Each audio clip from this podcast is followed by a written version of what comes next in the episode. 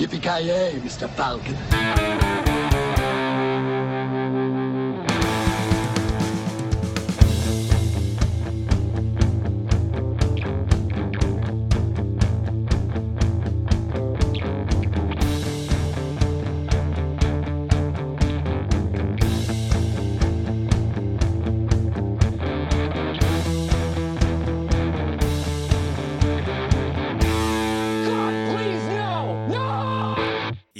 Jajamensan, hjärtligt välkommen till avsnitt nummer 69 av Creative Meltdown Podcast, gott folk. Och ni har med mig Kalle. Joakim Granström. Joakim Voja. Och Kent. Jajamensan, och eh, den här veckans avsnitt kommer då innebära en Gissa filmen som vanligt. Eh, sen har ju då Judas Priest släppt ett nytt album där eh, vi ska snacka lite skit om det och prata lite allmänt hur det ser ut på den fronten. Sen lite veckouppdatering och ja, sen har vi en full length review på filmen Outsider med Jared Leto som har släppts på Netflix. Men vi börjar med Gissa filmen här då. Eh, har då anammat eh, Granströms eh, koncept här på taglines, så jag tycker att vi kör in på den då. Eh, och eh, ni vet hur det fungerar. Jag läser upp taglinen, ni gissar vilken film det är jag pratar om. Film nummer ett här då. då. We're not just getting rich, we're getting even. Tower Heist. Nej. Låter bekant. Uh, hmm. Oh, fan. Någon. Oceans-film. Nej, det är ingen Oceans-film faktiskt. Det är ingen Oceans-film. Jag tänkte att det var en sån här, uh, vad fan heter de? Eddie Murphy-filmen. Ja, vad, vad heter den då, Kent? Uh, ja, vad heter den? Dan Aykroyd kan vara med på törn där. Jajamän, men vad fan heter den? Ja, exakt. Million Dollar Man, även Nej. där, uh, vad fan heter den? Ja, jag inte, Jag vet hur omslaget ser ut, men jag har ingen aning. Jag kommer inte ihåg vad filmen heter. jag är inte upp till... Upp till? Nej, men det är en klass, det är typ 80-talsfilmer. eller Aha. Ja. jag, är inte, jag, är inte, 90 jag är inte b- bra på Eddie Murphy kan jag ju inte påstå. Så jag vet inte fan. Jag kan ge dig en pass. Jag kan ge en pass där i och för sig, Kent. Det, det är den filmen du tänker på. Det är Trading Places heter filmen. Trading Places, ja. Ja. Aldrig hört av den faktiskt. Känner inte igen. Helt okej film faktiskt. Eh, Såg om den för typ ett år sedan. Det, den håller fan lite fortfarande faktiskt. Det var en Eddie Murphy ändå kunde agera och vara lite rolig liksom. Ja. Ja, men hur Han, som han hade ju helst. mycket swing and a miss. Ja, det, så är det ju definitivt. Norbit. Me- Meet Dave, någon. Han spelar ett rymdskepp. Norbit.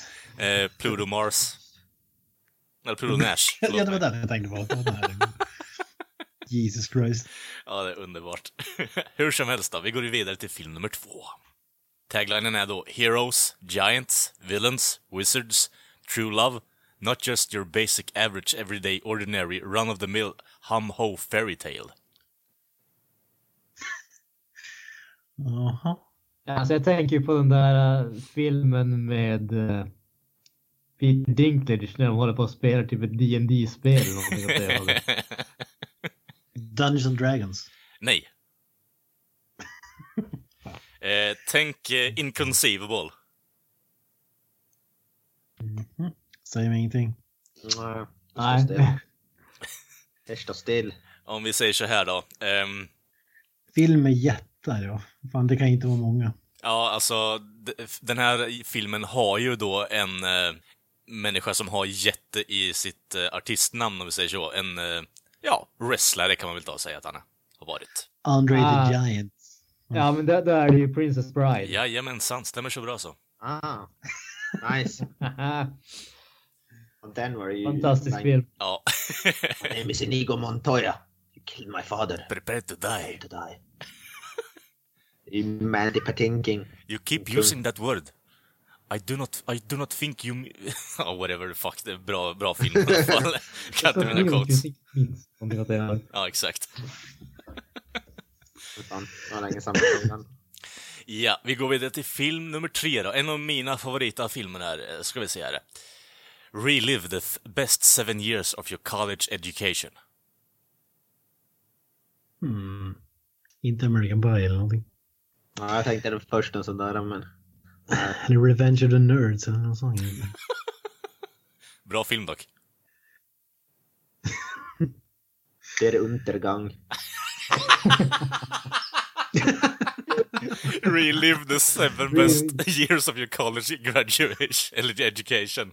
The Ja, det måste ju vara old school eller någonting åt det hållet. Ja, det är säkert någon det är sån här Will Ferrell-film eller någonting sånt där. Om vi säger så här, det, det är ju en collegefilm. Eh, Jag skulle klassa det som the collegefilm, eh, om jag får säga mitt faktiskt. School of Rock. Nej, Klassiska precis. college, de är typ 10 barre. Van Wilder. Nej, men vi börjar närma oss där nu. Det är, det är samma producenter kan man väl säga, eller företag som har... eh, Okej, så det är National Lampoon alltså? Yes. Ja, jag har så jävla dålig koll på. Har var det då? Jag måste erkänna, jag vet fan inte vilken film det är på rak arm. Vilket är det årtal det är jag den här filmen Det här är ju är- är- då... Den utspelar sig då på alltså 60-talet där. Eh, narr av eh, hela collegeprocessen lite sånt och eh, drar, eh, ja, kan man säga, inte lärdom, men den drar ju mycket från college, alltså stories som eh, bland annat skriven, alltså skrivaren eller manusskrivaren har upplevt och eh, ja, lite andra människor som har bidragit till det. Men det är ju då Harold Ramis eh, första... eh, eh, eh, nej, det är inte hans första, det är det inte. Han var ju med på det här projektet i alla fall, var han ju, och skrev det. Harold Ramis, kung. Jag har inte sett den filmen tror jag. Ja. Om vi säger Ah, så ja, här. med dig? Vad sa du? Ja, nej, det- så det, vi kan säga vilken det är om ni, om ni tappar out, så att säga. Det, det, Ja, jag trodde att National Lampoon var rätt nej, nej, det är ju, Ja, nej, National Lampoon är ju gruppen som är uppe Precis. som är i gruppen typ. men det är ju då Animal House jag pratar om, eller all, ja, Deltahuset. ah, Aldrig Inte sett. den måste jag erkänna. Jag har hört talas om den men inte sett den. Riktigt bra faktiskt, riktigt ja. bra. Men vi hoppar vidare till film nummer fyra av åtta här då. Eh, går vi in på lite mer actionbaserade filmer här då. They stole his mind. Now he wants it back. eh, Schwarzenegger-rulle. Eh, vad fan heter den? Ja. Eraser. Nej. eh, True Lies? Nej. Vad fan heter den? Tänk på They stole his Oj, mind. dum. Now he wants it back. Det det är inte den där, fast det är sjätte dagen eller någonting åt det hållet. Nej, det här är ju en klassiker. Alltså en sci-fi... eh, Är det inte här med... Ja, nej, nej men herrejävlar, det är Total Super- Recall. Jajamensan, total Total recall. recall. Total fucking recall är det. Det stämmer så bra så. Ja, den är sjukt bra. Ja, Ja, den är fan, den, Butcher. den håller fortfarande alltså. Ja, jag får fan ta och säga det, för alltså remaken med Colin uh, uh, Farrell, alltså det, nej. Nej. Nej, det, går- det, det är en sån film som det går att göra i den tidsåldern som den precis. filmen gjordes för att det Precis. ska vara liksom intressant. Det är just därför att, Precis som Robocop. det är just, vidare. exakt, det är just det jag menar att eh, vanligtvis så kan jag säga att eh, Schwarzenegger är den luckiest man alive, fan, men han har ju lyckats tappa in på sin typ av nisch när det var populärt också, så det, man kan ju inte annat än ge cred åt honom faktiskt. Men, film nummer fem här då. All he wanted to do was dance. Är det så här? Saturday Night Fever eller vad? Man kan tro det. Mm. Har du någon ledtråd? Eh, tänk eh, fläskkött. Porkis? Nej. Eh, tänk dig eh, huvudskådespelaren eh, och så tänker du fläskkött. Meatloaf? Nej. Pork chop. Huvudskådespelaren fläsk. Porkins? Nej. Ingen aning. Det var Porkins största liksom, passion här i livet innan han blev eh, stridspilot åt rebellerna. Liksom. Han var danslärare. Eller förrådde Batman? Ja, precis. Ja, med ledtrådar, med ledtrådar. Eh, ehm, ja, vi lever ju då i en värld där dans är eh, outlawed helt och hållet. Eh, har en eh, låt av Kenny Loggins också. Footloose? Jajamensan. Fy fan. Fan, det, jag tänkte gissa den direkt, men jag tänkte att det var eh, too obvious. Too easy liksom. Mm. Ja, men det... Aldrig, aldrig sett Footloose heller. Inte jag heller. Ja. Ja, Nej, jag ser inte så mycket dansfilm direkt, kan jag inte påstå. Låten Footloose, den är ju magisk också. Ja, nej, Kenny Loggins hade några bra dängor där på 80-talet. Bland annat eh, skrev han ju även för eh, Caddyshack, även om en av mina favoritkomedier där faktiskt, som samma skribent som jag har gjort Animal House har gjort också. Man undrar om man fick så här Steam-pengar varje gång det spelades i Top Gun. I så fall måste det vara miljardär, för de körde ju Danger Zone typ Ja, 15 gånger i filmen. Och Ja. det sjukt ja han, måste ju ha, han måste ju fucking swimming in it eh, numera, alltså det är helt sinnessjukt. Det räckte med Top Gun kanske. Ja, precis. Ja, hur som helst då, vi går vidare till nummer sex av åtta här. They'll never get caught. We're on a mission from God. Mm. On a mission from God. Mm. Den, line, den line är ganska väsentlig i den här filmen. Den upprepas typ 10-13 gånger där. Ehm, ja. Ja, inte en susning. Eh, Ray Charles eh, enda film kan väl det här eh, sägas också. Enda som betyder någonting i alla fall, skulle jag vilja säga. Då tror jag jag vet vilken film det är, men jag kommer inte ihåg. Vår Mission from God, Blues Brothers. Jajamensan! Rachel. Den, den hade jag inte tagit oavsett hur många hint jag hade fått där misstänker jag. Men du har väl sett den Granström, eller? Inte jag heller. Ja, ja, Ja. för typ 15 år sedan. Alltså, jag känner att uh, Carrie Fisher med eh, fucking AR-15 och en uh, flamethrower hade nog varit en ganska god giveaway där, men ja, vad fan vet jag liksom. Jajamensan, vi kommer upp på upploppet här då. Nummer sju av åtta. eh, For free men, the civil war wasn't hell, it was practice. Okej. Ja, den var svår.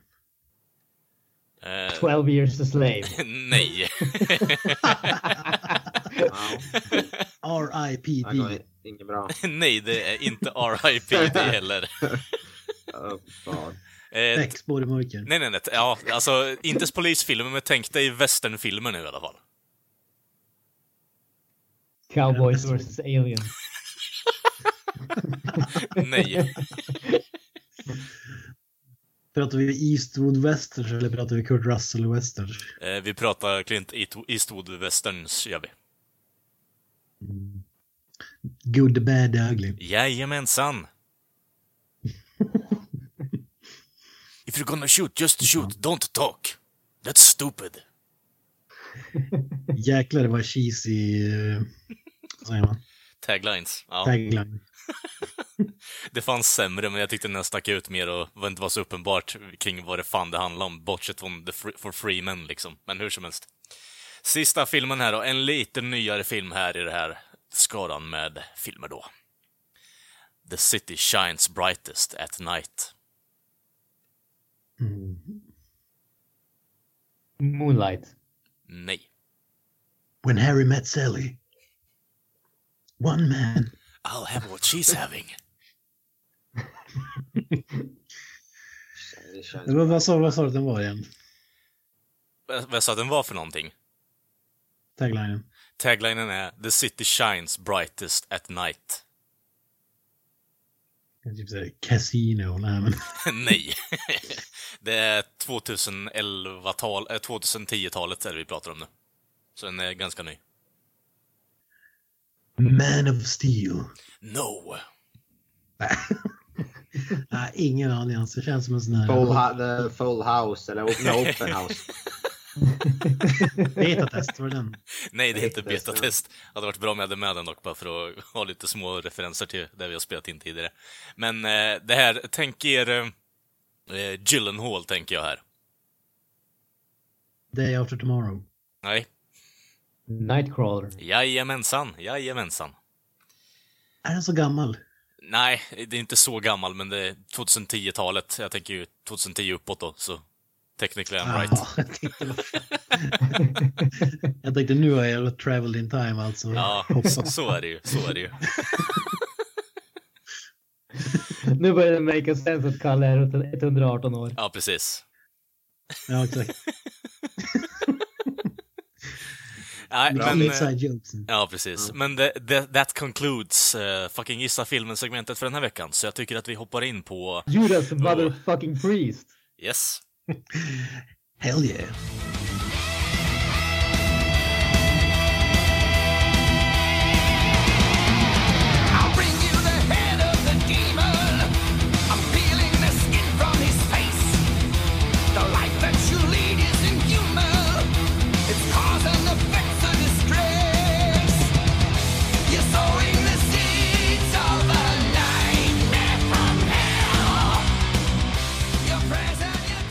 Your deeds. 18 albumet. Jag vet inte, alltså ert eh, förhållande med Judas Priest vet jag inte hur det ser ut. Jag, jag, jag, liksom, jag tycker att de är okej. Jag har aldrig riktigt varit ett gigantiskt fan av dem. De har som alltid varit, för mig har de varit kända som en av de där som liksom började the wave of British heavy metal om man säger så. Ja. Men jag har inte riktigt lyssnat på dem i någon större utsträckning. Men jag måste Alltså, det- säga att ja. Ja, jag fortsätt. Du var klar. Nej, men det jag skulle säga är alltså de, de har ju fan hållit på i nästan 50 år och Ja. alltså jag, jag är ju jävligt imponerad över alltså den energi som de levererar på den här nya skivan Firepower. Alltså det. Jag tycker inte att det är en perfekt skiva, men den är jävligt imponerande måste jag säga. Jag tycker att den håller riktigt, riktigt bra från början till slut. De visar verkligen att fan, gamla gubbar kan rocka jävligt hårt. Ja. Alltså jag, jag var ju fast i Judas Priest när någon visade mig videon till Breaking the Law.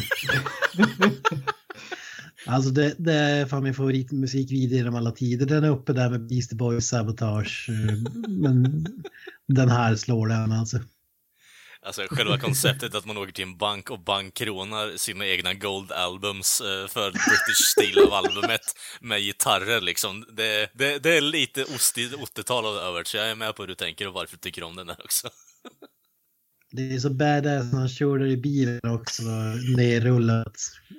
Ja, Eh, jag och Gran som en gemensam polare, vi, vi brukade ju reenacta där, de scenerna alltså. Så jäkla badass.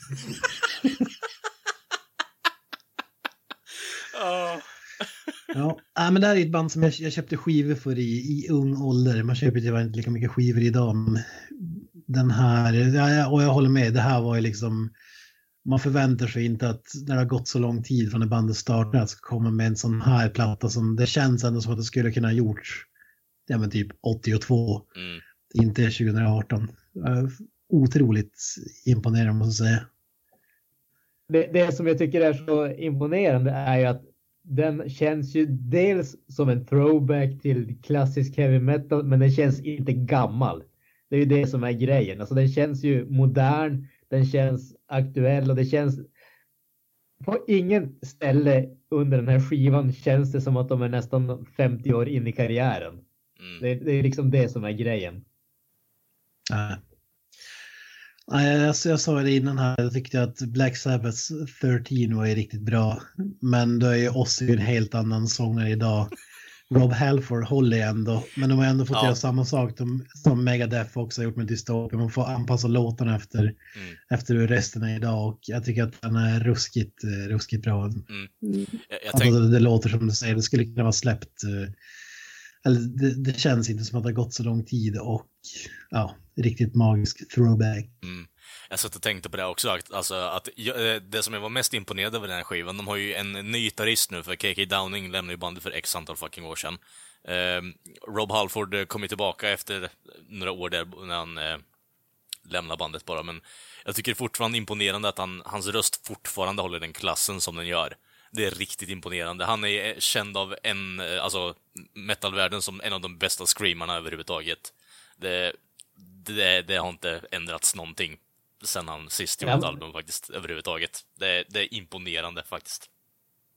Alltså det jag måste säga är att jag, jag tycker ju att uh, Halfords röst har ju faktiskt uh, mognat på ett jävligt bra sätt. Alltså, de, en, en av grejerna som jag tror har varit orsaken till att jag inte har lyssnat på honom så mycket har varit just alltså, när han går in i det riktiga jävla falsettskriket. Ja. Visst, det är jävligt imponerande att han klarar av att göra det, men jag kan inte påstå att jag tycker att det är speciellt trevligt att lyssna på. Mm. Och känner alltså, här tycker jag att han gör inte de där, det finns några sådana där skrik, men det är ju inte om man säger det värsta högsta, men han har ju fått en, en low end som ger betydligt mer dynamik till rösten som helhet tycker jag. Så att för mig, alltså jag måste säga att han, gör ju en bättre prestation på den här skivan än i stort sett någonting annat som jag har lyssnat på honom från. Kanske just därför att hans röst har kommit till ett läge där han, han gör inte den grejen som jag inte tycker om att han gjorde, så att Mm. säga.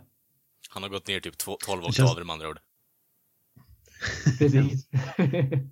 Det som skiljer honom från vissa sådana här, att han misshandlar liksom inte sin röst när han Nej. sjunger. Alltså typ James Hetfield, Metallica eller uh, Megadeth eller uh, alltså. så så på, på så sätt tror jag att det också är en bidragande orsak. Men uh, att, att det låter som bästa rösten, det, det är så svårt att säga. Alltså när, när albumet spelades in för x antal år sedan, det blir som ett annat sound än idag. Alltså bara, bara rent allmänt. Och bä, bästa rösten vet jag inte, det finns ju sjukt många plattor som är he, helt fantastiskt. Jag har inget emot det där, eh, ja, vad kallar du det, Skri, skriket så ja, precis. Ja, men vad förvånad, man har inte haft, eh, även om det är ett av mina favoritband sen som var yngre, så har jag inte haft en tanke på att, det- liksom att Judas Priest skulle vara, bli aktuella, aktuella igen så att säga. Men nu, nu blir man ju fan taggad på alltså, att släppa så här bra skiva när det har gått så lång tid. Det är ju bara Iron Maiden och Motörhead som jag i princip skulle... Nej men på riktigt som, håll, som håller eh, typ samma kvalitet hela vägen. Det är jäkligt få band som gör det faktiskt. Ja, vet jag om jag tyckte att Virtual Eleven var så jävla bra, men... å, andra sidan så... Nyare skivor, Book of Souls och så vidare. Ja. Bla- Bla- Blaze Bailey kanske inte fick de allra bästa förutsättningarna när man ska ersätta Bruce Dickinson om vi säger så. Nej, men alltså, Jag tycker fan om Virtual Level också, men det är ju en annan diskussion. den, den, den har, den har några trevliga låtar, det, det ska jag erkänna. En, en sak som jag vad heter, eh, reagerar på när jag lyssnar på den här skivan, eller reagerar på, eh, det var ju gitarrsolot i Rising from Ruins. Mm. Alltså, det gitarrsolot är ju fan mig bland det grymmaste som jag har hört på så jävla länge. Alltså, det var liksom, jag, jag, gick, jag gick på träning, jag var på väg att gå på träning när jag, vad heter det, lyssnade på Snälla skivan spelar, där. snälla säg att du spelar luftgitarr på vägen dit. Alltså det, det var fan inte långt ifrån. Men däremot, jag, jag hörde solot.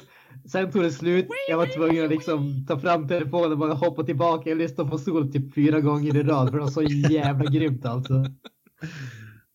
Ja, det var ruskigt bra. Den enda kritiken den har det är att vissa riff i låtarna låter näst, ja, väldigt snarlika. På, jag kan inte låta det huvudet sådär, men vissa låtar känns lite sådär, um, ja, lite väl lik kanske. Alltså det, det var...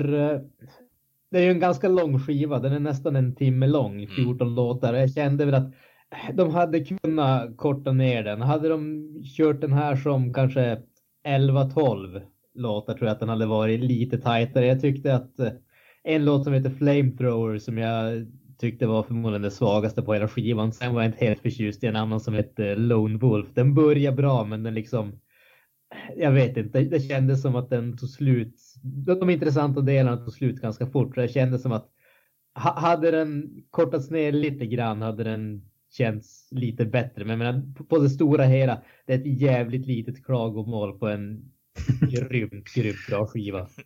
Ja. Alltså Lightning Strike som var liksom, jag vet inte om man ska kalla det singellåten, men den de släppte först, den är ju helt otrolig. Alltså, den är ju verkligen så här klassisk. eh, Det, det, är liksom, det är både nostalgi och nytt i ett och samma tycker jag. Ruskigt, ruskigt bra. Det är ju så... Jag tycker annars de första låtarna på plattan är Evil Never Dies, Never Heroes och Children of the Sun tyckte jag var riktigt bra också. Mm. Alltså, jag, jag är med på det också. F eh, första halvan av skivan är riktigt jävla underbar faktiskt. Firepower är en riktigt bra början, för det liksom drar tag i testiklarna på det och bara sliter ut dem i stort sett. Alltså, det är så jävla bra öppning på, en, eh, på ett album egentligen, speciellt ett metalalbum faktiskt. Bara, Um, och sen så fortsätter det där med um, Lightning Strikes liksom.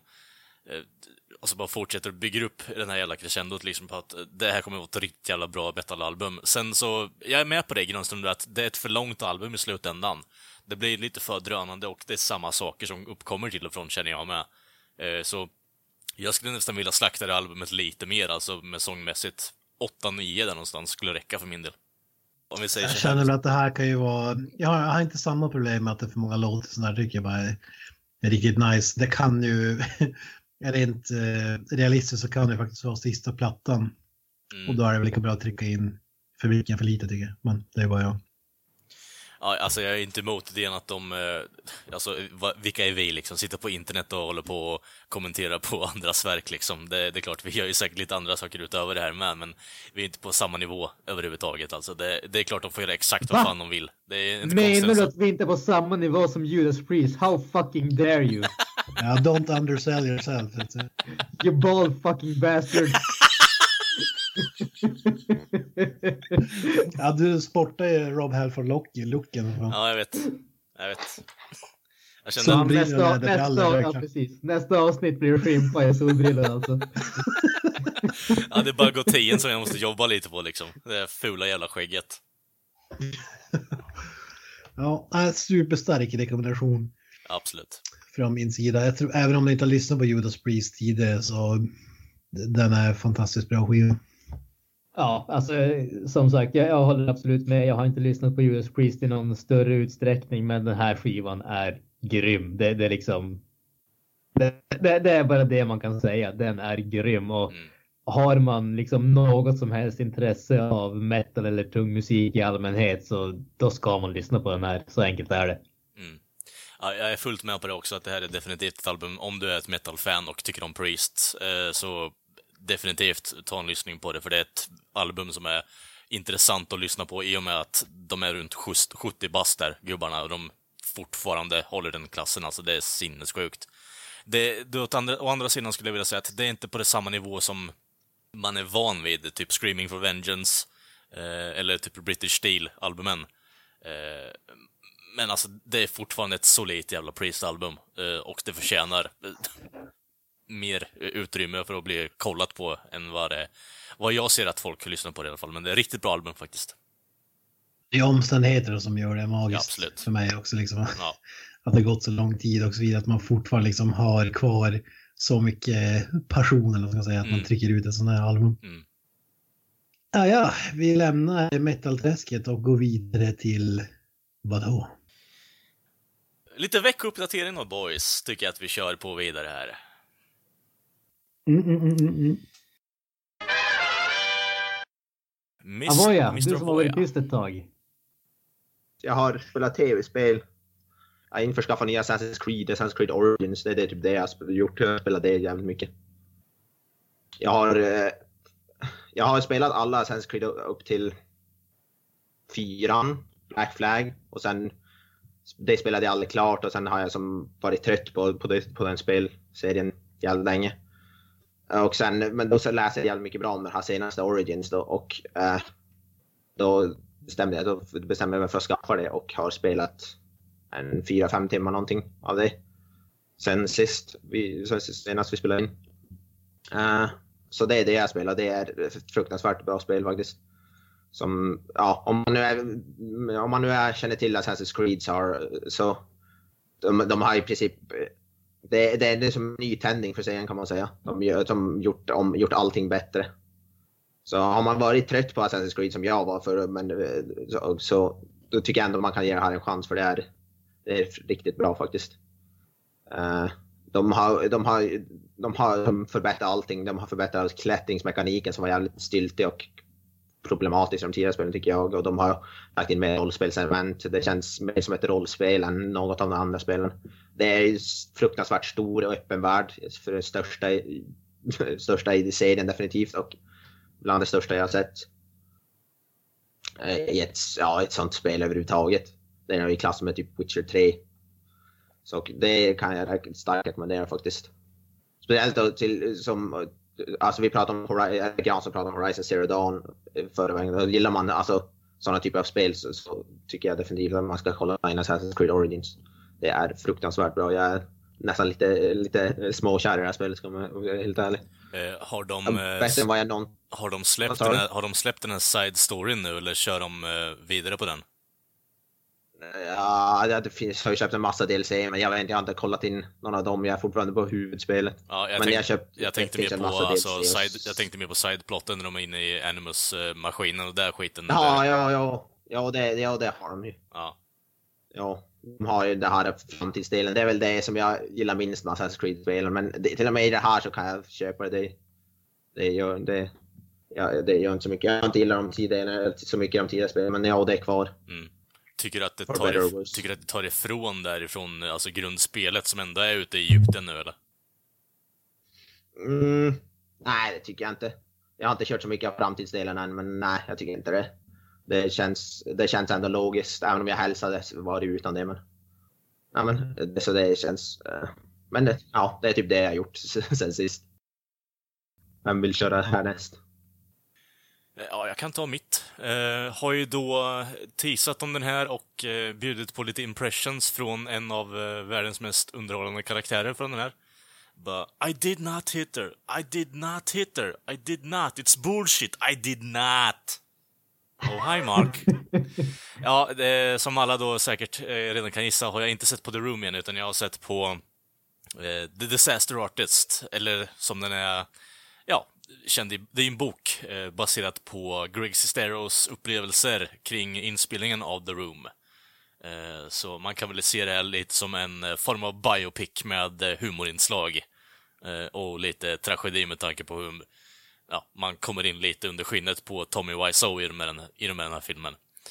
Eh, Dave Franco spelar ju då som sagt eh, våran eh, skelögde huvudkaraktär här, eller Tommy Wiseau. Eh, en människa som har gjort karriär på att sälja jeans och är förmögen utan dess like. Eh, och eh, ja, väljer att slå in på filmbranschen där på senare år. Eh, och eh, ja, man får följa lite hans exploits under inspelningen av The Room, som sagt, hans vänskap med Greg Sestero där. Eh, och Greg Sestero är ju då eh, kraften som eh, man följer i den här filmen då. Eh, och det spelas ju av då Dave Franco, eh, som är eh, eh, ja, James Francos brorsa. Bra, jag missade där lite. eh, hur som helst då. Jag måste faktiskt säga att det här är en riktigt underhållande film. Eh, däremot så måste jag även säga att eh, det, är mycket, det är mycket kärlek nedlagt i den här filmen. Fruktansvärt mycket kärlek. För alltså, de tar sig tid att återskapa så jävla mycket scener från The Room. Eh, som, det här är en perfekt film för den som är en The Room-fantast faktiskt. Eh, skulle nästan vilja säga att det är ett måste om man tycker om The Room för att se den här filmen. Eh, om det är så att man inte har läst boken, vilket eh, efter det här nu kommer jag söka efter för att jag är fruktansvärt intresserad av att veta lite mer i detalj på vad det är Greg Stero har skrivit här nu. För pumpar man ut så här mycket guld, då finns det lite mer att hitta med tanke på att böcker brukar ändå vara en bättre adaption på saker och ting i och med att det blir mer direkt på papper vad det är som har hänt i det här fallet då. Även om Greg Sestero eh, säkerligen tar sig lite frihet med saker och ting, men hur som helst.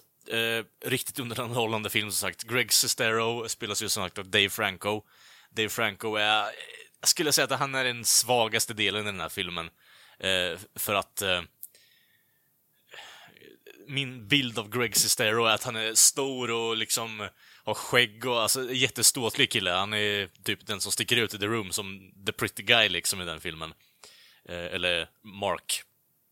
Eh, och, men eh, jag kan inte mer än hylla att James Franco är castad som Tommy Wiseau, för jag tycker att det är så fruktansvärt snarlikt.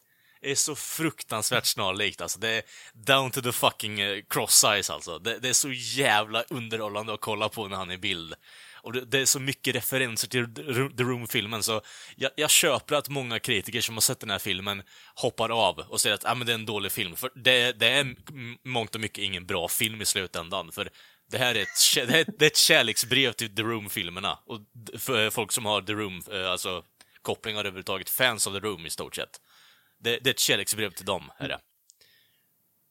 En sak som jag undrar, alltså måste man ha sett The Room för att kunna förstå eller få ut något av den här filmen? Eller skulle man kunna se den helt utan de referenserna? Alltså, det- jag tycker att det, det beror ju helt och hållet på...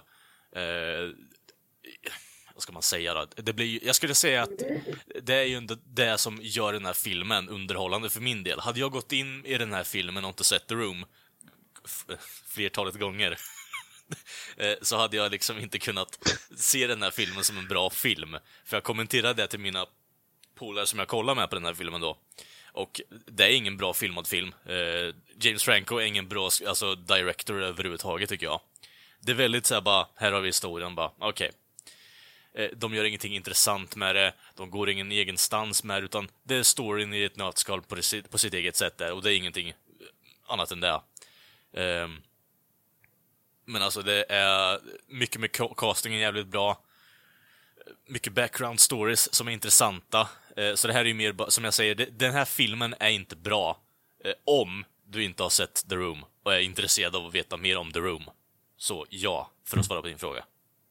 Du måste ha Ja, sett The det är Room. lite risken av. Känns som en jävligt smal, Ja, även om det är liksom en kultrulle känns det inte som så här precis. superbred. det var det jag tänkte också efter visningen där, att det, det är riktigt tråkigt att man inte gör sin egen grej med det, för det, du exkluderar en hel del människor. Även om det här eh, är en sån film där man ser på att skådespelarna som gjort den här filmen har haft jävligt kul med det, för de är inne i the room. Och det är, det är uppfriskande att kunna se det, att man tar det här på någon helt annan plan och gör lite, har lite kul med konceptet istället. Eh, för Tommy har ju varit jävligt salty eh, många år fram tills nu. Eh, och ja, han har varit upprörd över att folk inte tyckte om filmen som han ville ha den. Alltså, det är ju tänkt som att vara en dramafilm. Det är ju det, det är allt annat, om vi säger så. Det är, det är som all over the place. Alltså, det, är- det, det är det som gör det här underhållande. Det här är ju en film som har skapat en genre. Eh, eller definierat en genre, skulle jag vilja säga. Troll, eh, Troll 2 är ju tillhör ju den typen av genre, skulle jag vilja säga. Alltså, den har ju inte riktigt skapat, men har ju på något sätt definierat den genren i ny tid, om vi säger så. Så det är en viktig film på det sättet. Hur mycket är Seth Rogen med? Är han bara med i typ två scener eller är han med genom hela filmen? Alltså, om vi säger så här. Seth Rogen vill ju vara med jättemycket i den här filmen, så han får ju massa one-liners bara What the fuck are you doing that for? Liksom gör narr av filmen eh, och element i filmen.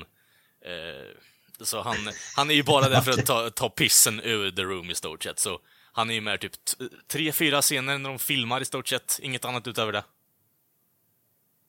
Ja, det var det jag fick lite den känslan när jag såg trailern där att antingen så, eller känns som att han bara är liksom statist där men alltså riktigt liten roll. Mm. Ja, men han har ju varit med och skrivit filmen, så det... Eller skrivit filmen. Eh, screenplayet i alla fall. Ja, det, det är en film som jag är intresserad av att se men Mm. Fast, se, var kan man se den nu? Eh, eh, jag såg den på en eh, hipsterbiografer i Norrköping nu, så... Okej.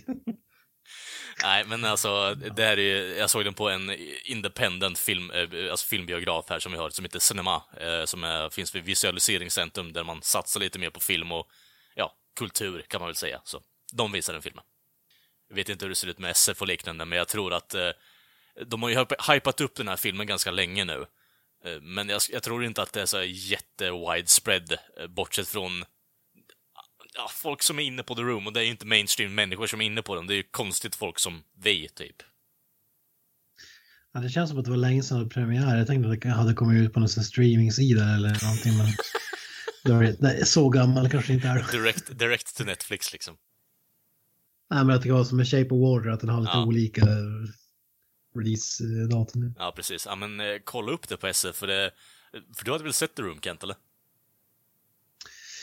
Jajamän, tyvärr har jag sett, sett den filmen.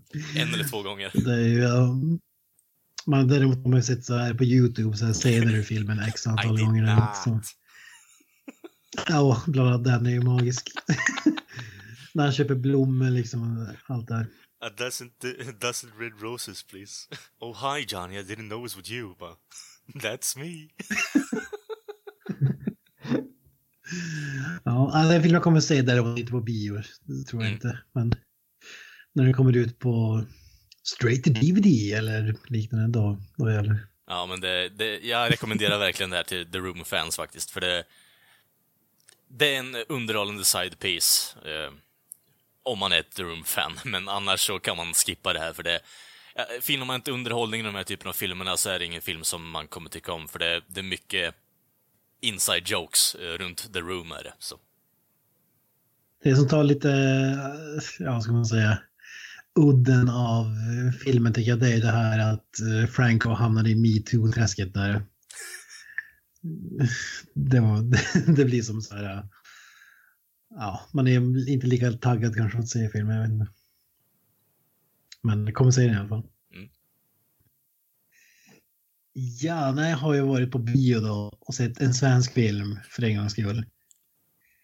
Tårtgeneralen med poddens husgud Micke P. Vad är det för jävla leverpastej på den här jävla skiten? ja ja, men eh, lite backstory då. Det är ju Filip och Fredrik som har regisserat filmen, eh, som ligger bakom den. De skrev ju en bok som också heter Tårtgeneralen. Eh, och eh, handlar ju då om eh, Hasse P som en, en alkis i Köping, staden. då. Och eh, det här utspelar sig 1984, det är based on a true story. Eh, hela filmen ska ha hänt då, allegedly. Jag misstänker att det är lite vässningar här och där, men den ska tydligen vara ganska, följer det ganska, vad ska man säga, korrekt. Och de har gjort research med boken också så jag antar att det mesta stämmer. Det är annars en, en nackdel, jag tycker, som för att man har liksom journalistutbildning, att man är liksom källkritisk. Så in i huvudet som alltid skeptisk när det är based on a true story, liksom har det här verkligen hänt? Men ja, men om man kopplar, bort, om man kopplar bort det då så är det då i Köping 1984, där sätter sig Jan Guillou. Han har, leder ett program där som heter Rekordmagasinet. I SVT fanns ju inte så många kanaler då. Så hela liksom landet satt och kollade på det här programmet och då utsåg de eh, Sveriges tråkigaste stad. Och det var ju Köping. Eh, Jan Guillou basunerade ut att Köping var den tråkigaste staden och rabblade upp massa anledningar.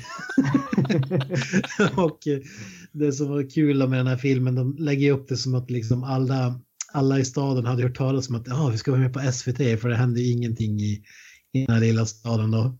Som hade laddat upp med liksom vin och chips och, och allt möjligt och så får de en chock då när det är liksom pissar, pissar på Köping. Får en hand med avföring i ansiktet liksom på sig på nationell rikssänd TV liksom. Ja.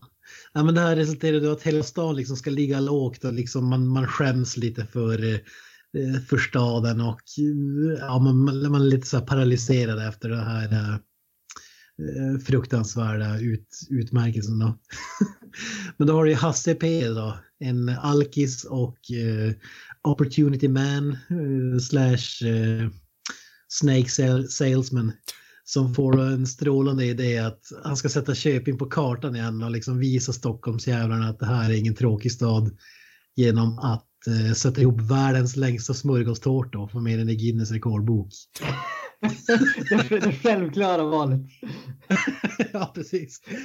Och Micke Persbrandt är ju, Hasse, spelar Hasse P, då, den där eh, alkismannen som ska liksom rädda Köpings anseende och han, är ju fantastiskt bra. Alltså, både hans insats men rollen är som gjord för honom liksom också. Han är ju, ja, är ruskigt, ruskigt bra. Eh, jag, jag tyckte om, eh, jag tyckte filmen var riktigt, riktigt bra faktiskt. Eh, Bästa svenska filmen jag sett sen Jägarna kanske. Ja, nej, men eh, för att vara en svensk film så är det riktigt bra. Det är en komedi, men det är mer en komedi. Det, det är liksom drama också där. Du har ju eh, det som är lite, det är så här, Filip Hammar eh, har ju voice-over i den här filmen. Så parallellt med att man följer Hasse P så får man följa Filip Hammar och hans farsa då, Lars Hammar när de växte upp. Och de här historierna kopplas ihop på varandra. Så det blir liksom någon slags självbiografi-aktigt. Alltså, att de inte kan göra en sån film utan att pilla. Det var ju likadant i Myggan typ. De måste ju vara med och de är så jävla mediakåta de där två. Jag tycker det är lite tråkigt faktiskt.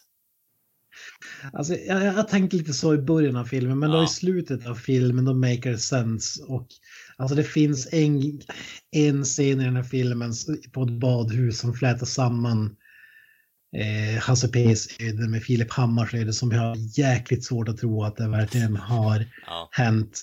Men eh, i, i slutändan så får man ju, Hasse P tror jag lever inte idag och 2011 så gjorde, åkte Filip Hammar, hans farsa, ut och gjorde någon slags intervju med, eh, Eh, med Hasse P, den riktiga Hasse P då. Eh, eh Ja, nu, nu, nu spoilar lite av, av filmen men det, det, det är liksom based on a true story och det, är otroligt välgjord och i slutet av filmen när eftertexterna rullar får man se liksom eh, karaktärerna, bilder, de har skaff- skaffat fram bilder på hur de såg ut på 80-talet och hur skådespelarna ser ut i filmen och alla är alltså sjukt lika. Alltså, så bara castingarbetet måste ju vara x antal eh, timmar bakom liksom.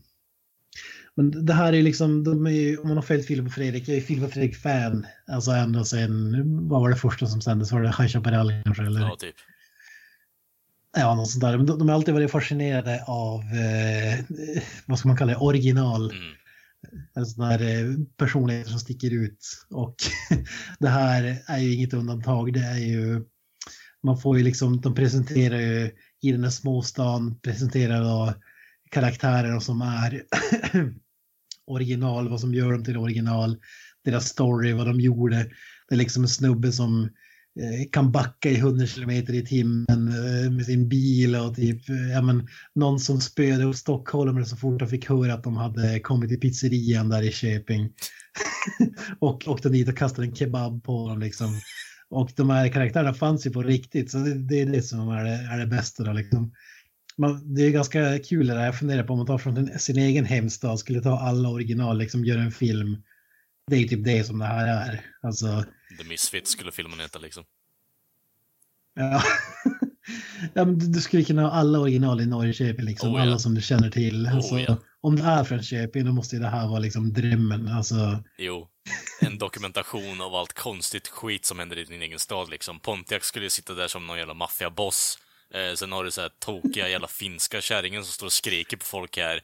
Eh, jeansprästen som predikar åt alla liksom. Det skulle vara en hel, hel jävla filmjävel alltså. Skulle vara underbart. ja. Ja, men den här filmen förklarar jag, jag vet inte om, man, om det är spoiler eller inte, jag ska inte spoila om det så jag håller det så vagt som möjligt, men man får ju förklarat liksom vart deras fascination, i alla fall Philips fascination för original kommer ifrån. Hans farsa är ju också ett original, han har också varit med i en massa tv-program så här, han är ju grymt speciell men jäkligt underhållande då.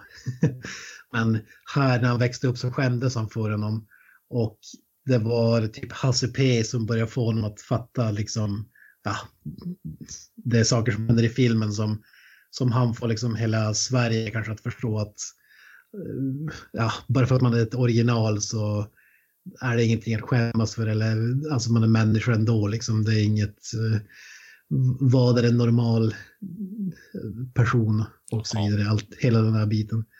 Så det, det tyckte jag var, var riktigt fint eller vad man ska säga.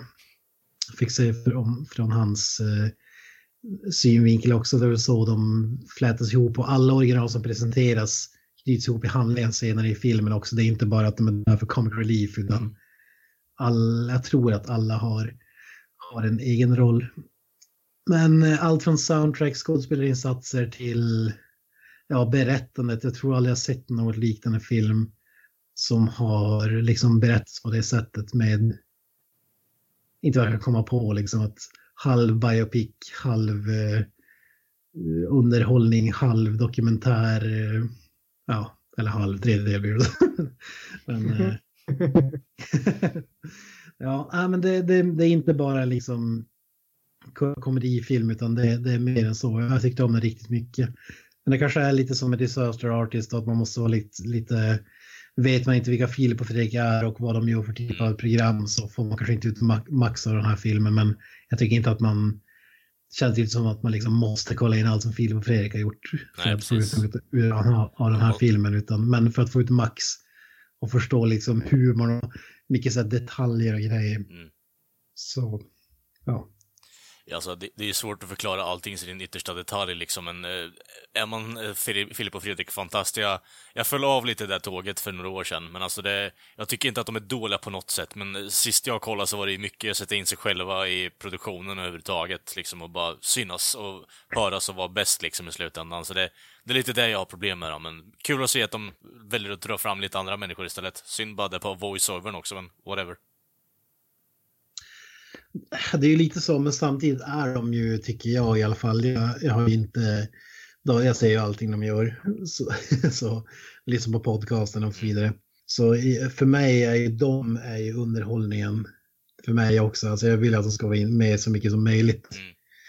Här i filmen är ju kanske, de svagaste bitarna är ju kanske just från Philips barndoms eh, berättelse, men det tror jag mest har att göra med att barnskådespelaren inte är någon 10 av 10.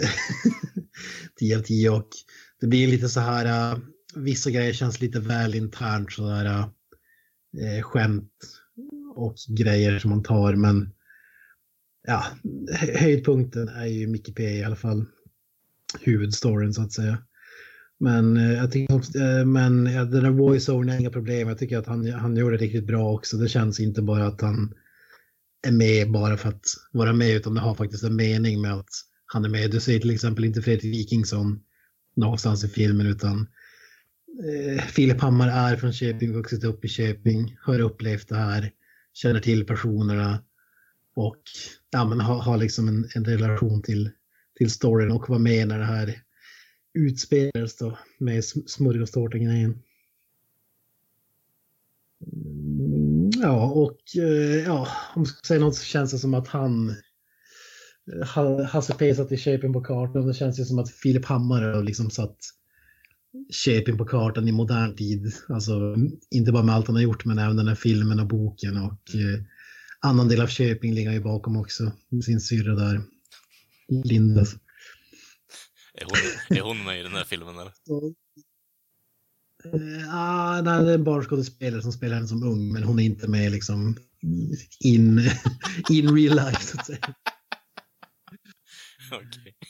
Jag vet inte vad som är kul med det, men, Nej, jag... ja, men en svensk film som liksom framkallar känslor, skratt och så vidare. Magisk soundtrack, det är riktigt så här 80s eh, soundtrack som ja, växte man upp någon bit på 80-talet, början av 90 så kommer man ju gilla, gilla soundtracket mest troligt. Eh, Då antar jag att det bara är så här, eh, taget från typ topplistan på 80-talet i stort sett, eller? Det är inget, det är inget originellt soundtrack, eller? Nej, alltså det är ju liksom aha, take on me. Ja, alltså, ja.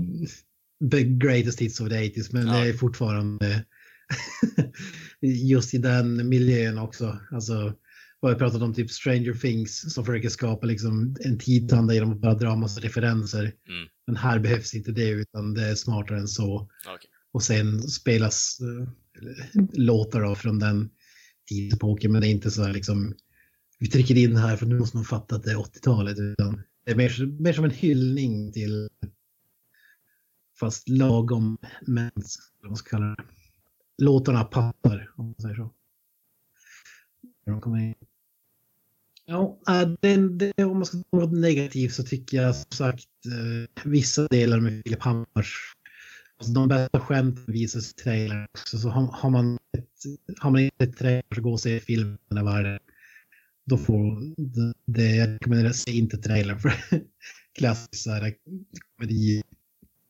Det är, det är inte så mycket komedi i den och det är mest drama och så vidare. Och då tycker jag att det är bättre att hoppa över eller något se bästa skämten ska dras där liksom. Om man ska sätta betyg det är svårt alltså, men jag är nog fan och snudde vid en 8 av 10 alltså. Där kring. Inte illa alltså.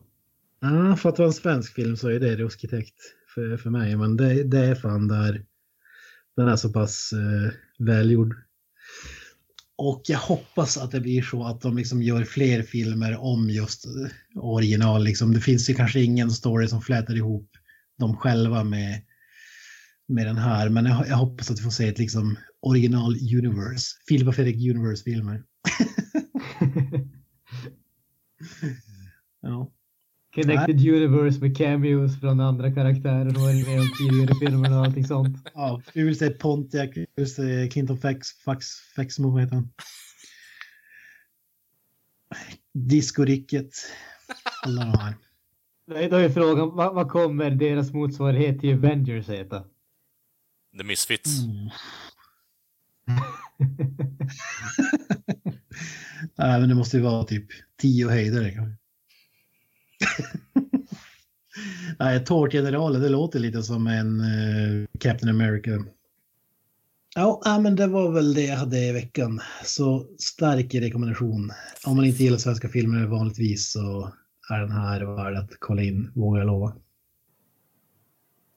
Mr Grandström. Yes, jag kommer att hålla det lite kortare. äh, nej, men den här veckan, jag har faktiskt inte eh, sett någonting eh, direkt. Däremot så har jag eh, lyssnat. Jag har varit inne i musikspåret. Eller flera spår om man ska vara fyndig. Eh, bandet Feed the Rhino släppte ju en ny skiva här om veckan, jag tror det var två veckor sedan. Eh, deras fjärde skiva som heter The Silence. De är ett, vad ska man säga, metal slash hardcore slash post hardcore band. I ärlighetens namn ska jag inte påstå att jag har någon aning om vad skillnaden mellan hardcore och post hardcore är. Jag kan inte påstå att jag bryr mig heller. Jag tycker att eh, hela diskussionen om vilken genre band tillhör är väl ungefär den mest ointressanta diskussionen man kan ha när det kommer till eh, musik. Jag är intresserad om musik är bra eller inte och det finns liksom, det är samma som när jag ser på filmer. Är det en bra film är det en bra film. Sen om det är ett drama, en komedi, en actionfilm, det gör ingen skillnad. Och jag är ganska samma när det kommer till eh, musiken.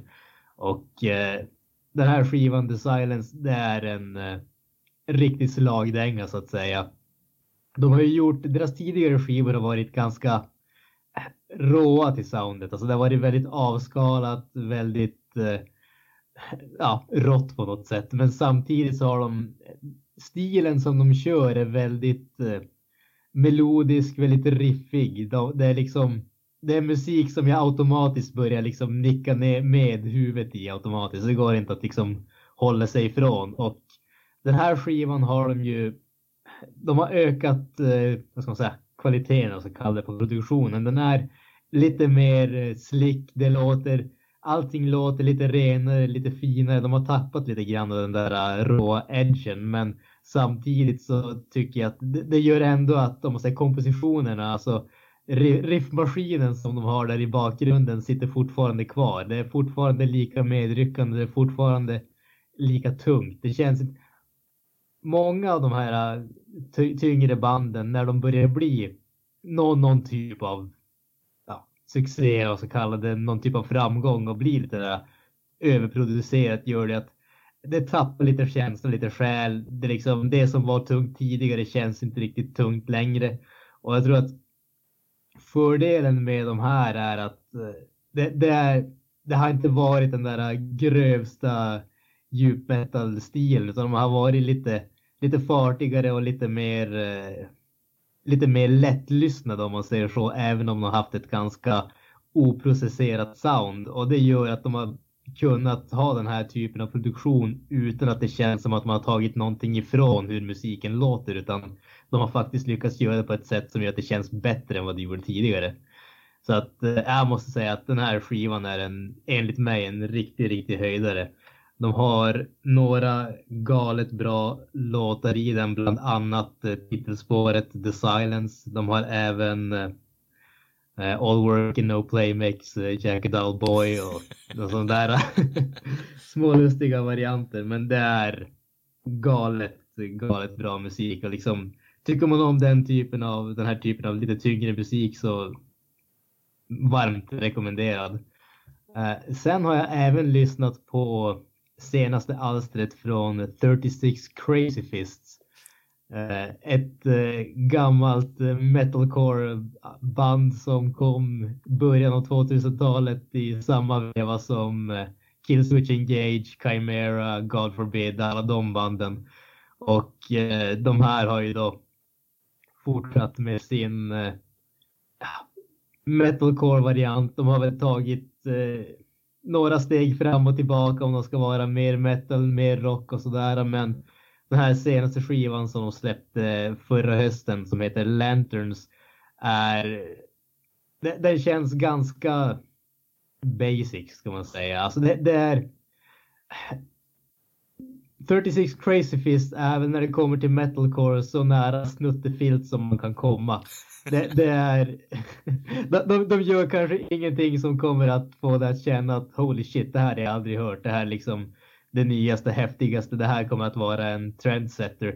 Men de, de gör ingenting som är riktigt dåligt heller, utan du vet vad du får om man säger så. De är ett säkert kort vid det här laget och de har gjort de har gjort så pass många skivor så att eh, har man inte accepterat att de är liksom de, de är lite grann kvar i vars de var liksom 2005, 2006. Men jag säger det på ett ganska positivt sätt för jag har ändå lyssnat jävligt mycket på den här skivan och de har liksom de har kvar tyngden, de har kvar skriken.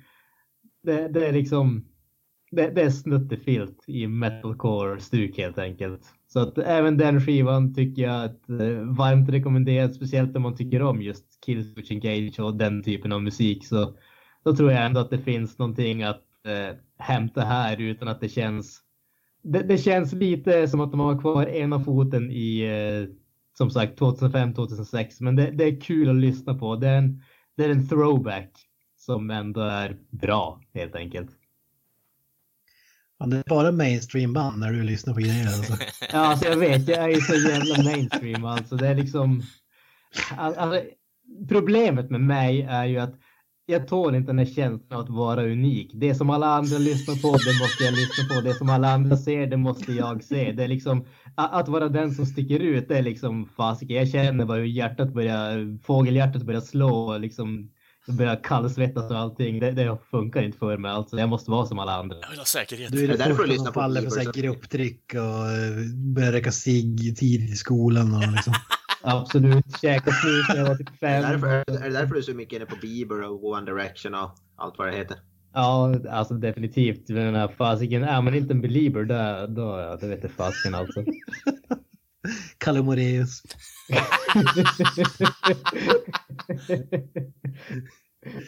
Ja, men fan, det är som ett Kinderägg den här podden med dig Gran. Så varje vecka får man höra om band som man aldrig hört talas om. Och som man förmodligen aldrig hade hört talas om man inte hade haft det. Och antagligen inte kommer höra om någon mer heller. Så. jag, ska, jag, ska, fan, ska, jag ska göra så här varje gång jag recenserar ett sånt här ny skiva på ett band som ingen har hört. Jag ska fan sätta in lite musik från dem i podden bara så att ni får lyssna på det så ni kan hoppa över det. Ja. Din grannes lillebrorsas kusins band. Up and comers liksom. Jag vill, säga, jag vill bara påstå att min grannes kusins lillebrorsas band är jävligt bra. ja, det är huvudsaken. Exakt. Ja, nej, men vi är ju en underground-podd. Det är så, så det är bra. Yes.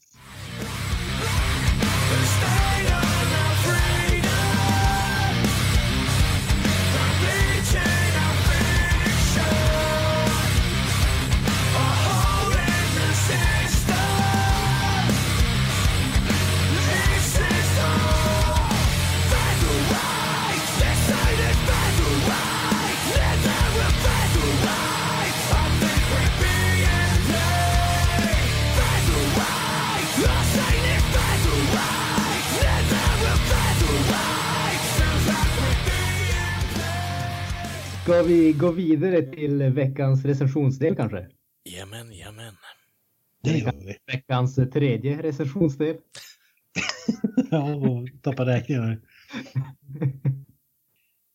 The Outsider, Netflix-film med Jared Leto, regissör Martin Sandville, Sand, hur man uttalar det, någonting. French guy. Anja. Vi kallar han Martin Andersson från nu. Martin Z som jag brukar kalla honom. Anja And- Anderson. Edson.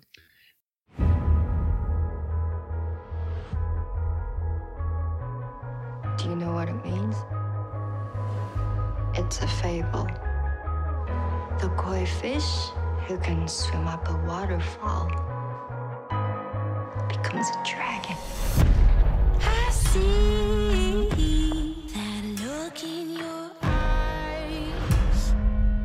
understand. Äh, vad säger vi? Någon som vill grepa tag i handlingen i den här filmen?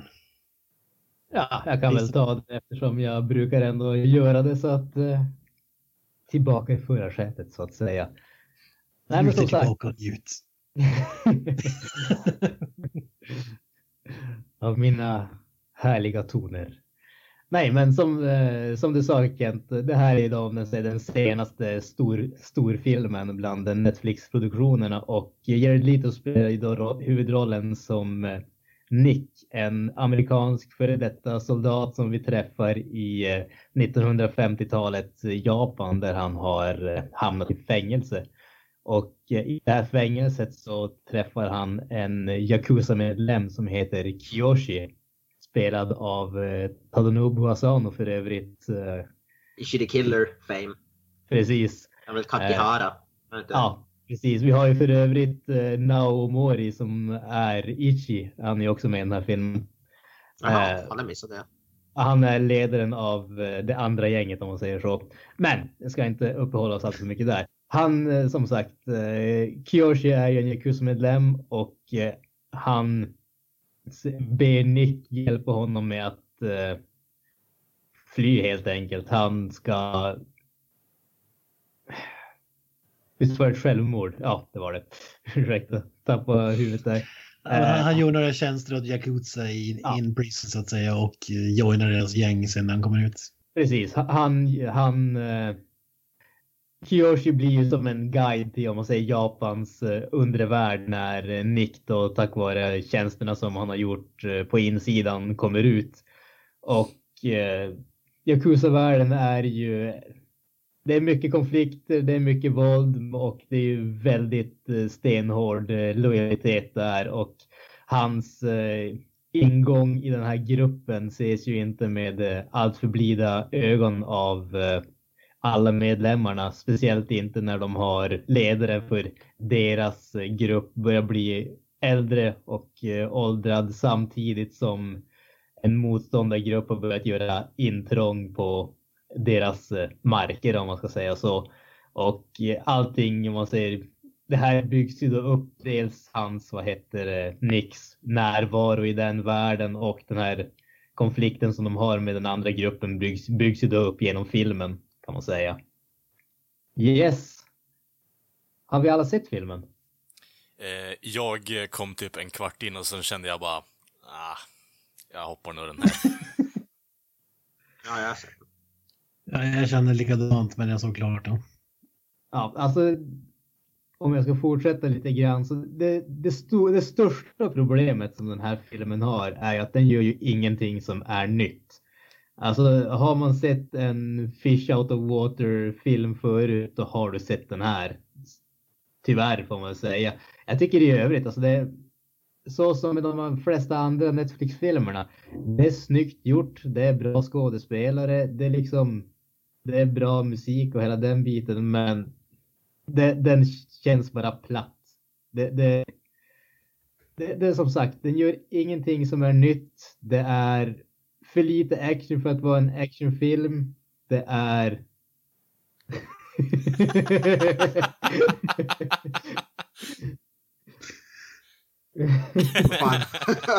För, alla, för alla lyssnare där ute, Kent håller på att skriva i chatten och skriver solidt hantverk som vi brukar nämna om och om igen.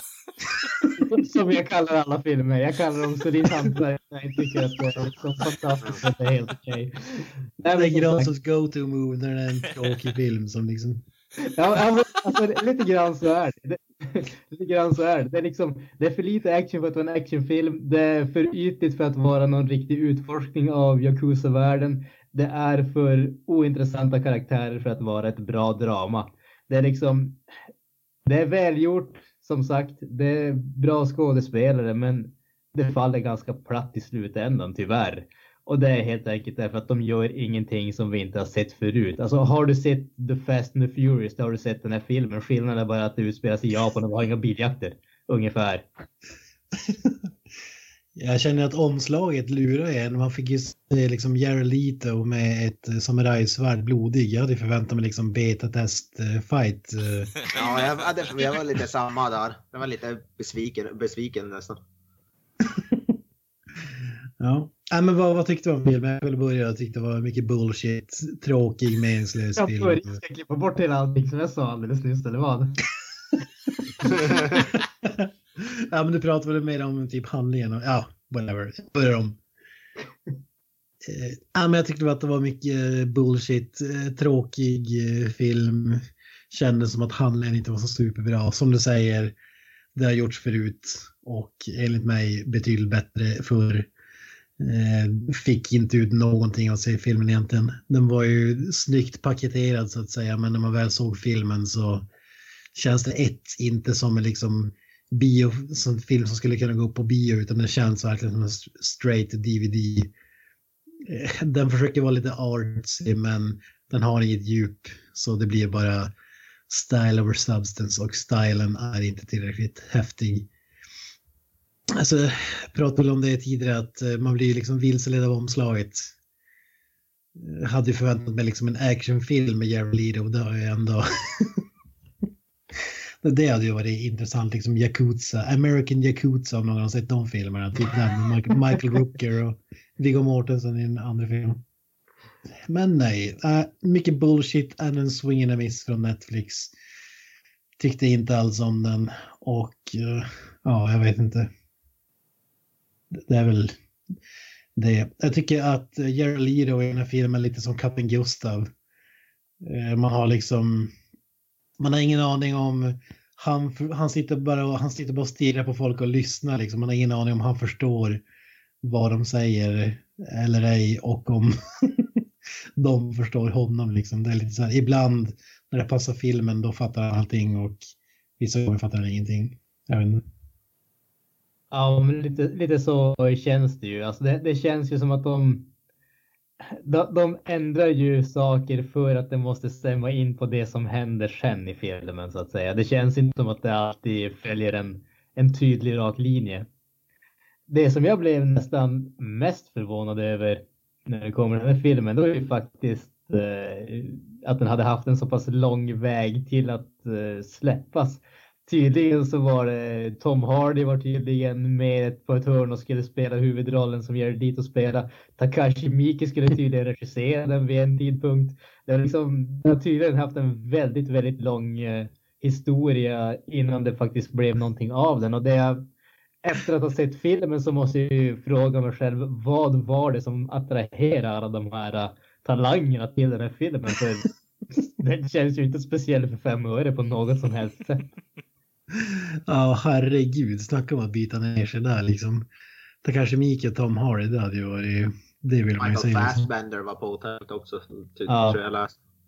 Ja, alltså det, det, det som sagt, jag- jag förstår inte liksom varför de här människorna har varit intresserade av att göra och vara med i den här filmen. För efter att ha sett den finns det ingenting som känns som att liksom deras talang skulle göra det, göra skillnad till att få den här att bli en bra film. De hade kanske kunnat göra någonting helt annorlunda. Men skulle handlingen och liksom händelseförloppet vara samma så, nej, jag vet inte fasken alltså. Men det hade det aldrig varit med Takashi vid rodret. Nej, sant. sant. Då hade det varit den filmen som jag vill se. Alltså, Det hade varit Blade, hade vi, det hade varit Blade of the Immortal i princip. Ja, men, ja, men jag menar alltså, Yakuza finns ju avbildat i x antal filmer. finns ju en anledning. Alltså, du har ju både samurajsvärd, du har puffror, du har eh, alltså den här eh, skoningslösa, lite samurajstuket. eh, Alltså, du har ju allting, alla förutsättningar att göra en intressant film liksom. Men En Yakuza-film av Takashi Miike hade man ju velat se. Ja, det finns ju Han också. gjort Ja, det finns precis. ju typ 14 sådana. Ja, han har ju till... Han, han har ju rätt diger, eh, Ja. diger filmlista så att Men han har ju gjort en på, Nej, är det som det har baserats på tv-spelserien också, Like a Dragon. Eh, så jag den finns ju. du, du, vad sa du? Jo, jag säger att han har ju gjort en eh, film baserad på tv-spelen där, Yakuza. Ja, det har han ju. Ja, det visste jag fan inte. Vad säger man? Full Metal Yakuza, var det Mikael? Ja, kanske inte var. Det är ingen aning. Det låter som någonting han skulle göra. Ja, där har du en film. Ja, men, Cyborg. Ah. Jack- Jack- ja, men om jag också ja, skulle säga mitt. Jag, var- alltså jag är väl inne på ungefär samma spår. Det är väl det är mer yta än substans. Skulle man kunna lugnt säga. Tyckte den var, jag tyckte den var helt okej. Jag tyckte... Jag gillade, jag, jag gillade ändå att man, det var ändå som... Jag gillar att man, man körde inte på någon så här fake japansk eh, typ eh, accent eller någonting när man var ja, det är som de brukar vara. Så det kan jag väl uppskatta. Att det var ändå rent, rent så här kulturellt och jag, det kändes ändå väldigt japanskt. På ett bra sätt. Men det är väl typ det enda som jag gillade. För jag tyckte Jared Lee var helt okej i huvudrollen även fast han inte sa så mycket. Uh, jag uppskattar att den var ganska brutal, ganska rå ändå till viss del. Men den var väldigt långtråkig till och från. Det hände väldigt lite i den tyckte jag. Den var väldigt händelselös. Jag, var många, många, många, många scener ville jag bara att de skulle ta fram ett svärd och börja chop, chop it up. liksom. Istället. Det var liksom det. eh, Ja. ja, ja, jag vet, inte, den, var, den var tråkig. Det var, det var inget speciellt. Jag hade inte, jag, hade- jag hade inte supertråkigt, supertråkigt när jag såg den, men jag hade inte superroligt heller. Det var något sånt här mellanmjölksaktigt skulle jag vilja säga. Så jag, jag ligger väl där i mi- mitten, i mitten någonstans. Men det var ju lite så, man satt och väntade på att filmen skulle börja och här, då var den slut. så, Ja. lite, lite så. Jag tyckte inte att Jared Leto var bra, men jag tycker inte om honom som skådis överhuvudtaget. Jag förstår inte grejen med honom. Ja, jag, jag gillar ju Jared lite vanligtvis. Inte för att jag har sett honom i så mycket, men Ja, nej, jag tycker också när man hör liksom hur mycket han går in för rollerna och ändå blir det liksom så mediokert. Jag vet inte, kanske det som gör att man liksom sänks ännu mer, men han gör ju ingen minnesvärd insats i den här i alla fall. Som sagt, katten Gustav, han stirrar på folk. Och sen har man ingen aning om man fattar vad de säger eller inte. han hade ju rätt snyggt backslick. Ja. Ja. Tjusig frilla. ja. Äh, ännu en swing and a miss. Behöver vi snacka spoilers eller ska vi? Jag vet, jag vet inte om det känns så mycket. Dä- Däremot bara en sak som jag... Vi, vi tog upp det lite snabbt när vi pratade om eh, Cloverfield Paradox. Men den här filmen känns ju som bara ytterligare en i mängden där Netflix har blivit en dumping ground. Alltså, även om det är deras egen produktion så känns det ju inte som att det är liksom ett starkt kort. Och det har ju varit lite grann, som, vi, som sagt, som vi har pratat om tidigare, att när filmerna inte verkar som att de kommer att vara bra eller lovande, då kastar man ut dem på Netflix och hoppas på det bästa ungefär. Vad, vad, vad tror vi? Är, är, det, är, är det så som Netflix har blivit eller är det bara att de har haft jävligt otur med de filmerna som de satsar på?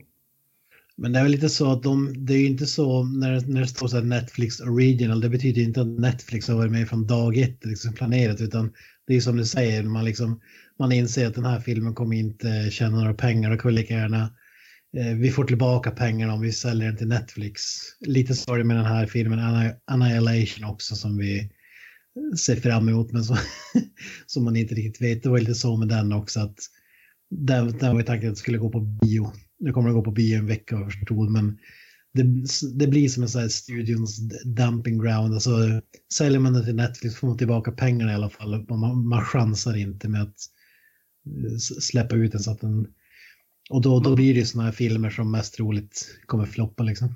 Ja, man, man, man ger inte riktigt filmen chansen att misslyckas. Nej, precis. Det känns som att det är mer av en typ fail-safe. Eh, Jag förstår att det är du- dumping ground, men jag är nog mer inne på Kents grej där, att det är en fail-safe numera för filmskapare att kunna få tillbaka pengarna på ett projekt som eventuellt kanske inte kommer liksom få dem att gå vidare i karriären. För det här är ju, det, det är en billion dollar industry för fan. Det, det är svårt att slå igenom. Får säga, alltså jag läste någonstans att Netflix hade, jag tror det var 600 eh, original projects på gång till, Jävlar. Alltså upp på ett år. Mm. Alltså Jävlar. det är ju, man förstår ju att allting är, är ju liksom inte kvalitetsstämplat så att säga utan Nej, precis. nu vet jag inte riktigt vad det innebär. Jag, jag ska inte svära på siffran men det var liksom dubbelt så många dagar som var på ett år skulle de releasa eh, content liksom. Jävlar. Så det är väl kanske både och. Alltså på ett sätt det kan ju, kan ju dyka upp någon film som, som är riktigt bra men som kanske inte har dragit stora cash. Men än så länge tycker jag inte att vi har sett den filmen vad jag kan minnas av, av de vi har sett i alla fall. Mm. Så, Men så det känns mer som straight to DVD, straight to Netflix nu. Här. Ja. Det är väl en Annihilation men sagt det, var ju, det är inte en Netflix original heller så jag vet inte om den räknas riktigt. Ja, det är det som blir lite så här sketchy med när man sätter den stämpeln. Tidigare så innebar det liksom att Netflix var med från dag ett, men nu verkar det kunna vara, alltså de köper någon film och en filmfestival, rightsen där ungefär. Alltså. Ja. Ja, men sen var det ju, jag tycker att för något år sedan, alltså när, när man började komma, alltså typ de här Daredevil och den biten, då hade ju ändå Netflix Originals någon typ av liksom kvalitetsstämpel tyckte, tyckte man då i alla fall. Nu, Det var nu bara på grund av den serien. Liksom. Ja, typ.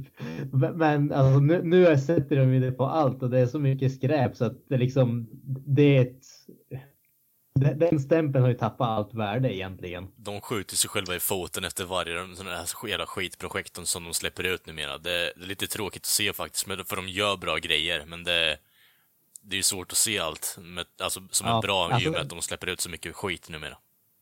Ja, men så är det. Alltså, de, de borde ha gjort eh, någon sån där, alltså typ Netflix Originals hade varit liksom det som de själva har finansierat, eller det som är bra. Och så kalla liksom allting annat skräp som hamnar på Netflix, säg bara liksom, ka- kalla det bara liksom, för, ja men kalla det bara, ja, precis, Netflix Exclusive eller Ja. First on Netflix eller någonting åt det hållet. Ja, jag håller med. Nu, den har ju som suddats ut. Men till deras eh, försvar så har de väl bara Netflix original på de, de grejer som de har varit med om från början. Ja, de har inte det. Men det, det, de, det som ni pratar om, det, är ju, de, det står ju som bara Netflix, men Netflix original, så att som jag hade förstått i alla fall, var att det bara var sådana grejer som de hade finansierat från första början. Om man går på den här, jag är på fliken av originalinnehåll från Netflix. Jag trodde allting under det var alltså deras projekt från första början. Ja, men det är inte det. Kortfattat. Det är ju det vi säger. Jaha, det var så jag hade Alltså, du, köper, du köper rightsen för någon. Man, det var ju det vi sa. Alltså, Man, man tänker att de är med från dag ett. Men det, nu räcker det vad jag förstått som att de köper bara rightsen till en film som, eller serie som redan är gjord. Ja, Och ja. då blir det Netflix original. Men det är som de sa med Bright, eh, Bright-filmen där, det spelar ingen roll om den suger eller inte. Det, det är bara vi måste ha den för att eh, folk förväntar sig att alltså ska man betala för tjänsten så ska det dyka upp. Så då är det värt att trycka ut massa skit istället för att kvantitet är bättre än kvalitet i det här läget. Det kommer ju massa Disney streamingtjänster på G och så vidare, nya Star Wars-serien. Nu kommer, det finns ju en Netflix-film som jag ser fram emot som ska bli jävligt intressant. Det är ju Martin Scorsese som gör göra en. Netflix-film med Al Pacino, Robert De Niro, Joe Pesci. Och eh, Ja, just det, ja. The Irishman. Det är ganska sjukt att liksom Scorsese gör en film åt Netflix och den är ju helt eh, deras, alltså från start. Ja, just det. Det, som, de, det var nyss filmat klart, det var bara att de skulle göra så här CGI, de skulle spela sig själva som unga också. Det var baserat på en bok, The Irishman tror jag den hette. Mm. Så det skulle ta typ ett år med specialeffekter. Det känns ju inte så här Scorsese-aktigt. Men Däremot är det bara bra Alltså, att han det- spenderar så mycket pass tid för att få det bra också i slutändan. Istället för att han pumpar ut ett skitprojekt liksom. Så jag har inget emot att om man nu ska Ja. ha specialeffekter så får han jättegärna ta, ta ett år på sig bara så att det blir bra. Absolut, men frå frågan där om de ska hålla på med den biten. Jag menar, vi, vi såg ju alla Rogue One, alltså Ja, Tarkin där såg inte direkt bra ut och det är ju ändå en film med liksom 200 miljoner dollar i budget. ja, Va, exakt. vad ska vi tro Lucas på en Arts. film? Ja, precis. Vad ska vi tro om en film som försöker göra det men på en Netflix-budget? Finns det ens en möjlighet att det kan vara lyxa? alltså, Nej, jag, jag, det- jag har ju svårt att tro att eh, Martin Scorsese pumpar ut någonting som inte har hans seal of approval på sig. Jag tror inte jag sett en dålig film som han har gjort överhuvudtaget faktiskt. Så det ska bli intressant att se faktiskt. Ja, nej, nej. Det, det, finns, det finns det. Men, men jag menar, alltså, vad händer med det här bara att alltså, anställ skådespelare som spelar dem när de är yngre? Alltså, det har Ja. alltid funkat. Jag ser som inget problem med det. Nu känns det liksom bara som en gimmick. Ja. Som med Tarkin. Ja, precis. Ja, vi, vi, Men å andra sidan, jag, jag håller definitivt med. Alltså, det blir jävligt intressant att, eh, att se vad, som, vad, vad det blir för någonting i slutändan. Jag menar, det är ju inte så att Scorsese är liksom en eh, dålig regissör på något som helst sätt. Han har ju hyfsat bra skådisar med på, med på riden så att säga. Så att jag tror att Oh, ja. ä- även om det blir en dålig Scorsese-film lär det vara jävligt mycket bättre än det mesta på Netflix om vi säger så. Oh ja. ja, det tror jag definitivt. Ja, men det var, vad jag skulle säga med det var bara att man får navigera genom skiten. Alltså det kommer, de trycker ut mycket som är uselt men då kanske du får, nu har jag inte sett den här filmen, den kan ju vara lika usel som, som den här eller värre men mm, alltså Där, där kan ju jag känna också att eh, Netflix, alltså just på grund av hur interfacen ser ut och betygssystemet och allting. De har ju gjort det jävligt krångligt att hitta bra grejer. Det är det som är problemet. Ja. Det är ju. Jag har inget emot att det finns. Hur, alltså, man vill ju ha så mycket content som möjligt. Givetvis är det så, men man måste ju ha något vettigt sätt att sortera det som är bra från det som är dåligt. Och jag tycker idag finns inte riktigt med Netflix och det finns inte med Viaplay heller tycker jag. jag menar, det, det är som Steam, alltså vet du inte vad du söker då är det fan omöjligt att hitta. All-. Ja, precis. Viaplay har ju ändå IMDB-betyget på filmer och det hade ju Netflix tidigare men de plockade ju bort det förmodligen för att ingen såg väl skiten som hade. Då såg man liksom att eh, ja, men Ja, Open House har 1,2 av 10. Det kanske inte är Ja, världens det det går väl inte att söka efter IMDB-betyget på Viaplay. Och det, det, det är så, det är Nej, så, men det, det är, utbudet är så pass mycket mindre så att du kan ju bara lista dem och se så du ser betyget. Men eh, det, det kanske inte finns. Det finns en genre som heter hög, hög, högt, högt betyg eller liknande. Alltså. Där du har de högst rankade filmerna. alla filmer borde ju vara gjorda i den genren. Man fattar inte varför folk har någonting emot det. Ja, det är det man märkt på Netflix. Alla filmer är ju toppbetyg där. Alltså alla filmer där. Typ- Fan, Open House har väl typ högt betyg på, på Netflix egen sajt. Det är ju som... Det är helt sjukt. Jag tänkte på det när vi pratade om Oscarsgalan och vi har ju pratat tidigare om det här klistermärket, typ eh, eh. Oscarsgalan är ju lite av det där klistermärket på VS-filmer numera. Man Ja. rekommenderar För filmer. filmer så, som, man aldrig, ja, som man aldrig hört talas om. Mm. Skulle haft någon sån på, på Netflix. Det, det känns förut så var det ju också det här att man kollar på betygen. Det fanns ju alltid typ en miljard betyg på framsidan. Mm. Det känns ju inte som att det är så längre. Åtminstone, alltså annat än på vissa biofilmer, typ Black Panther, är liksom halva bioaffischen är eh, toppbetyg av någon jävla anledning. liksom, det är typ inga... Det, det är, man ser ju inte betygen på samma sätt nu alltså när vi har eh, Metacritic och hela den biten. Vem fan bryr sig om vad Aftonbladet ratear en film? Det liksom, den relevansen har ju som försvunnit också. Det, jo, det, det tycker jag det är en helt annan diskussion som vi kanske ska ta nu en längre tid. Men det här Metacritic och Rotten Tomatoes, det har ju liksom förstört allt som meningen med betygsättare. Alltså tidigare då följde man ju liksom någon som såg film som man tyckte hade typ liknande smak. Så det sa ju någonting om en själv. Ja, men jag kanske tycker om den här filmen. Nu är det liksom tusen stycken och hälften är mutade köpta av ett filmbolag som liksom sätter betyg på senaste Marvel-filmen eller alltså det blir så meningslöst tycker jag. Vad fan gör Orvar Sävström numera? Ja. Ja, han ska, han ska betygsätta alla filmer. Ju- Måste jag tillbaka, vad hette... Vad fan hette på hans tv-program han hade? Film, film, han hade sina filmer. Det var ju kung. Ja, oj. Filmhör, nej, filmhörnan med. Ja, bara tog. Nåväl. Han är ju magisk. Han var väl även medlem i hårdrocksbandet eh, svenska, En- vad heter det? Entombed. Ja, Ja. Recensenten hette programmet förut. På ZTV. Ja, det var inte det jag tänkte på. Det jag tänkte på vi gick ju på typ tvåan eller något sånt där. Ja, filmkrönikan när du tänker. Filmkrönikan ja. Ja, så heter det ja. Där har vi det. Kung. Jag var, jag var ju med way, way, way back in the days på ZTV. Det var en magisk kanal. Vimans och så vidare. Ja för fasiken, ZTV var good shit alltså. Ja, ja. Det känns som typ att vi har sidetrackat ordentligt nu bara för att... Säger väl någonting om filmen att vi... Jo, liksom- i och för sig. Ja. ja har vi något mer att säga om Outsidern? Nej, skitfilm säger den inte. Jag ger den fyra av tio. Ja, jag ger den en femma. Solid femma. Oh. Ja, Jag sänker till 3,5. då, då, då, ö- då ökar jag den bara för att motverka Kent så att då ger den en sexa. Jävlar vad högt. Det är den inte värd.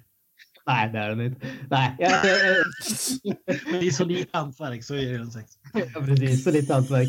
Nej, men alltså, okej, jag kan ge den en svag sexa. Jag tycker inte att den är liksom... En Den är svag acceptabel. sex.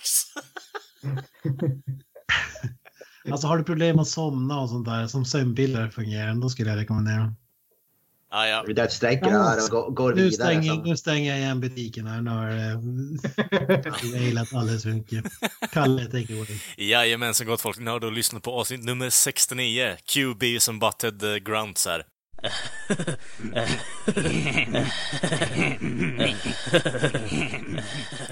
Eh, hur som helst då. Eh, ni hittar jag som på sociala medier som Facebook, Twitter, Instagram, YouTube och, eh, ja, och Spotify. Allt ni behöver söka då på är Creative Elton Podcast så ploppar vi upp där. Check, logga har vi. Vill ni mejla oss så är det bara att trycka på Facebook-länken också. Mejla nu så kommer det upp ett checkt formulär. Eh, Mältbrand mottages, om vi säger så. Eh, hatbrev mottages, om vi säger så. Kärleksbrev lika det. Eh, var inte rädda, gott folk. Vi bits inte. Hur som helst Hårvårdsprodukter mottages även det.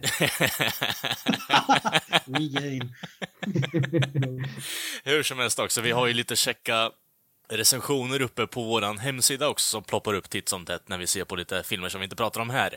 Eh, och då har ni då hemsidan som heter createsmelt.wordpress.com. Och eh, ja, eh, ni hör ju oss som sagt nästa vecka igen. Eh, vi ser fram emot det. Hoppas att ni har det trevligt där ute, så hörs vi. Adios! That's it, man. Game over, man. Game over.